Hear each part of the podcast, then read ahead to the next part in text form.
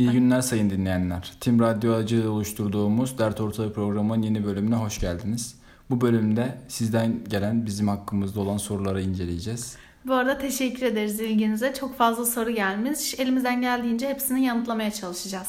Ve dürüstçe yanıtlamaya çalışacağız. Ben Evet. ilk soruyla başlayayım istersen. Hadi başla bakalım. İlk soru pek bizle alakalı değil ama olsun. Tim Radyo nasıl kuruldu demiş bir arkadaşımız. Bizle alakalı biz de Tim Radyo'dayız sonuçta. Nasıl kuruldu? Ee, Asya'dan dinlediğim kadarıyla size aktarayım. Asya kurdu diyeyim. Asya zaten okulları gezerken üniversite tercih döneminde bildiğim kadarıyla radyo kulübüne zaten girmek istiyormuş. Bizim okulda bir radyo kulübü yokmuş. İşte danışman hocamıza söylemiş. Hocam ben radyo kulübü istiyordum ama olmadığı için Tim TV'ye hani YouTube'a yöneleyim gibi bir danışmış hocaya. Hoca da demiş ki madem yok demiş hani radyo stüdyosu var neden sen kulüp kurmuyorsun demiş. Bu şekilde radyo kulübünü kurmuş. İşte Erdil Hoca'ya yönlendirmişler. Erdil Hoca da Mücahit Hoca'ya yönlendirmiş. Sağ olsun iki hoca da çok yardımcı olmuşlar. Bu şekilde Tim Radyo'yu kurdu. Zaten hani Tim Radyo varmış ama aktif değilmiş. Biz şu an aktif bir şekilde kullanıyoruz. Bu şekilde diyebiliyorum ben. Bizim katılmamız şu şekilde oldu. Asya bir gün işte bölüm gruplarına başvuru formu attı kulüp için. Biz de başvurduk. Sonra ilk online toplantımızı yaptık. Orada aklımıza fikirler geldi. Tartışık fikirler üstüne. Ve bu programı çekmeye karar verdik. İlk bölümden sonrası da zaten geldi. Evet bu arada Tim Radyo'nun ilk faaliyet gösterdiği tarihte 13 Şubat'tı yanlış hatırlamıyorsam. 13 Şubat'tan bu yana değişik fikirler üretmeye çalışıyoruz. Dinlediğiniz için de teşekkür ederiz. Aynen öyle. Diğer soruya geçelim çok uzatmayalım. Peki ben diğer soruya geçmeden önce şeyi soracağım sana. Sen neden peki katıldın Tim Radyo'ya? Neden katıldım? Ya benim ilerideki kariyer hedefime çok yönelik bir şey. Radyodan devam edip ileride spikerliğe dönmek istiyorum. Benim için çok büyük bir tecrübe olacak bu. Ben de az çok o yüzden katıldım ama benim tam belli değil. Bununla alakalı bir sorumuz daha var.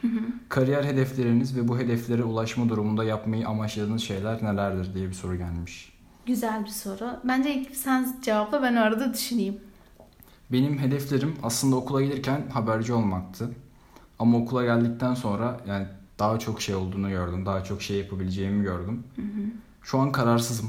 Ama İmkanlar insanın aklını karıştırıyor değil mi? evet daha tam nereye yöneleceğimi şey yapamadım, çözemedim kendi aklımda ama yine habercilik biraz daha ağır basıyor galiba. Ona göre ilerleyeceğim. Sen ne düşünüyorsun? Ya ben şöyle bu bölüme gelirken benim aklımda sadece spikerlik, muhabirlik vardı. Çok düz bakıyordum. Hani olursa da dışarıdan freelance bir şekilde tasarım da yapmayı istiyordum. Ama bu ilk Tim TV'de çektiğimiz program e, işte Asya ile Alperen'in Akustim diye bir programı var. Onu çekerken kamera arkasını çok sevdiğimi fark ettim. Şu an spikerlik, muhabirlik olmazsa görüntü yönetmenliği veya ses yönetmenliği istiyorum.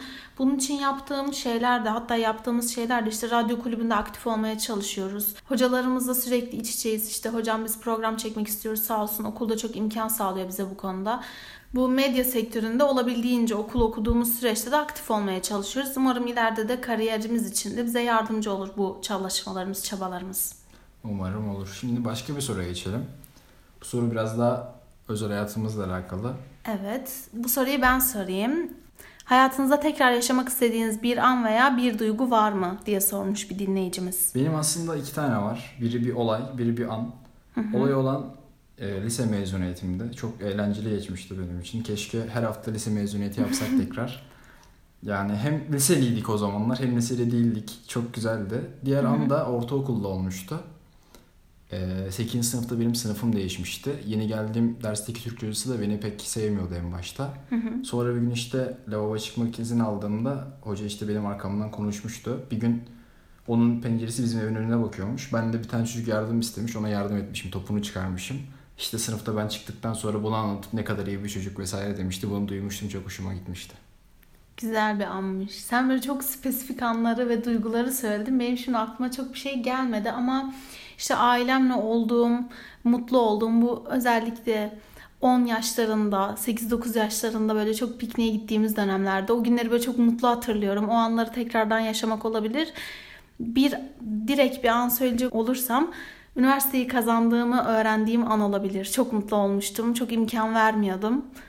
Bu şekilde başka da aklıma bir şey gelmedi. Çok düz cevaplar verdik gibi oldu. Çok Benimki gayet güzeldi bence. Tamam neyse güzeldi diyelim. Diğer soruya geçelim. Diğer soru yine ben sorayım. Ee, sormuş gibi dinleyicimiz birkaç yıl önce onlara şu an yaptıkları şeyi yapacakları söylenseydi tepkileri ne olurdu? Şimdi, çok güzel bir soru bence. Şimdi birkaç yıl önce benim kararlarım çok çabuk değişti aslında. Mesela Hı-hı. ortaokulda havacılık okumak istiyordum. Ki hatta gidiyordum da askeri liseye gitmeyi düşünüyordum havacılık üstüne. Sonra 10. sınıfa kadar kendimi hep sayısal olarak gördüm. Hatta ilk o seçme şeyi var ya sayısal eşit ağırlık vesaire. Orada ilk sayısalı seçmiştim ben. Bir gün öyle este eşit ağırlığa geçtim. Eşit ağırlıktan... Kariyerini değiştirmiş o esme. Yani o esme bu arada şey olmuştu böyle evde bir gün ütü yapıyordum. evet. Dedim, dedim ki yani sayısal okuyoruz evet ama ne olacağım diye düşündüm. Şimdi çok bir şey gelmedi aklıma açıkçası. Mühendis falan olmak istemiyordum. Tıp okumak da istemiyordum. Hala da istemiyorum. Dedim hukuk okuyayım, siyasete atılırım. Sonra baktım böyle bir hukuka. Yani çok şey... Zor. Hem zor hem de ben o zorluğa gelebilecek yani ben kitap başına değilim. durabilecek bir insan gelirim. Yani çalışırım, koştururum Benim şeyler. Benim sahada yaparım. olmam lazım. Aynen benim de öyle kitap başına kalan tuğla gibi kitaplar dedim bu bana gelmez. İşte bir sözele bakayım dedim hani ne var gibisinden. Medyayı gördüm işte iletişim, konuşma, işte sosyallik falan çok hoşuma gitti. Öyle karar vermiştim ama birkaç sene önce ben kendimi sayısı olarak gördüğüm için şu anki olduğun yere çok şaşırırdın Aynen, o zaman. Aynen şaşırırdım. Ya ben aslında çok şaşırmazdım ama çok mutlu olacağım kesin. Çünkü ben küçüklükten beri zaten bir spikerlik hevesim vardı. Sonra işte bir toplum baskısı diyeyim. Hani işte öğretmenliğe çok yönelten oldu. Öğretmenlik bir ara bir istedim ben de sayısal okuyup ama işte 10-11. sınıfta sözel seçeceğim kesindi. İletişim okumak istediğim kesindi. Hep diyordum okula gitti çok aktif olacağım. Programlar yaparım falan ama birinci sınıftan direkt böyle bir şeye atılmak hiç aklımda yoktu. E, çok erken oldu ama çok da iyi oldu. Mutlu olurdum kendi adıma. Bu şekilde. Çok iyi. Şimdi biraz e, duygusal bir soru gelmiş Şevval'e. Özellikle Şevval'e gelmiş. Evet. Şevval'i çok özledik ne yapmalıyız demiş bir arkadaşı sanırım. Ne yapmalılar Şevval? Çok teşekkür ederim onlara. Arkadaşım evet hatırladım kimin sorduğunu ne yapmalılar? Umarım fırsat yaratabilirsek görüşmeyi çok isterim. Ee, bu soruyu soran arkadaşımdan başlayarak arkadaşlarıma böyle ufak bir selam göndermek istiyorum. Soruyu soran Yaren'e, sonra Nefise, Aygül, Nilsu, Ceyda ve Meleğe çok selam söylüyorum. Hepinizi çok öpüyorum. Ben de sizi çok özledim. Bu evet. şekilde kısacık bir cevap verdim ve kapattım. Umarım dinlerler. Bence bu dinlerler. arada Şevval'i özlediyseniz e, çok konuşan birini açın. Aynı hissi verir bence yani. Çok, çok konuşan birini açmalarına gerek yok. Programlarımız var. Evet. Değil mi? Bizi de açabilirsiniz. YouTube'da da bir bir programda vardım ama zaten sürekli biz konuşuyoruz. Yüz yüze görüşmek amaç burada. Ha, onu ben evet. tam şey yapamamışım o zaman. Tamam diğer soruya geçelim. Diğer sorumuz çok güzel bir soru. Ben çok eğlenceli. Bir arkadaşımız sormuş ki bir parti verecek olsanız bu ne için ve nasıl olurdu? Ben bir parti verecek olsam büyük ihtimal şey için yapardım. Benim planım, asıl planım ben 40'lı 45'li yaşlarımda falan artık çalışmamı noktalamak. Yani artık çalışmayacak kadar iyi bir ekonomiye sahip olmak.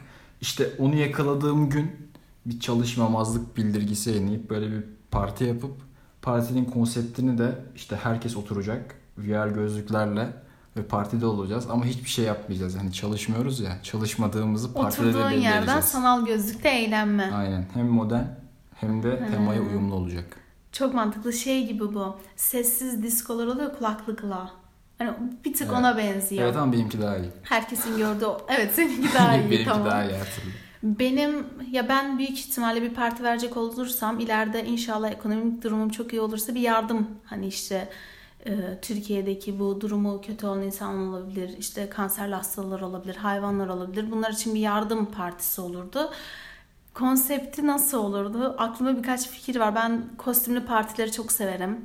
Maskeli partileri çok severim ama böyle 1835'te 30'lu yılların İngiltere'si bu işte bu kıyafetlerin çok güzel olduğu korseli elbiseler o dönemi çok beğeniyorum. Kitaplarını falan okuyorum, filmlerini izliyorum.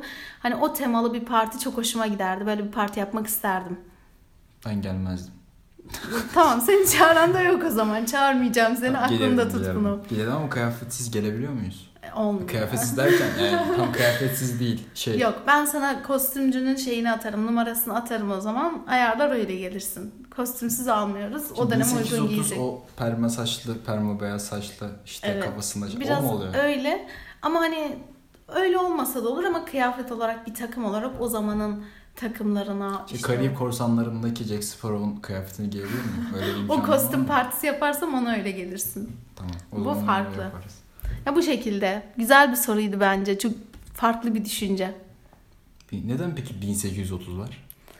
Neden? Aslında çok bir neden yok. Ben böyle bir tarihi bir aşk romanı almıştım. Böyle bilmeden almıştım ama tarihi olduğunu. Okuduğumda çok hoşuma gitti. Sonra o dönemi araştırmaya başladım. Hani kıyafetleri olsun, konuşma stilleri, o zamanın tarihi İngiltere'si özellikle çok hoşuma gitti.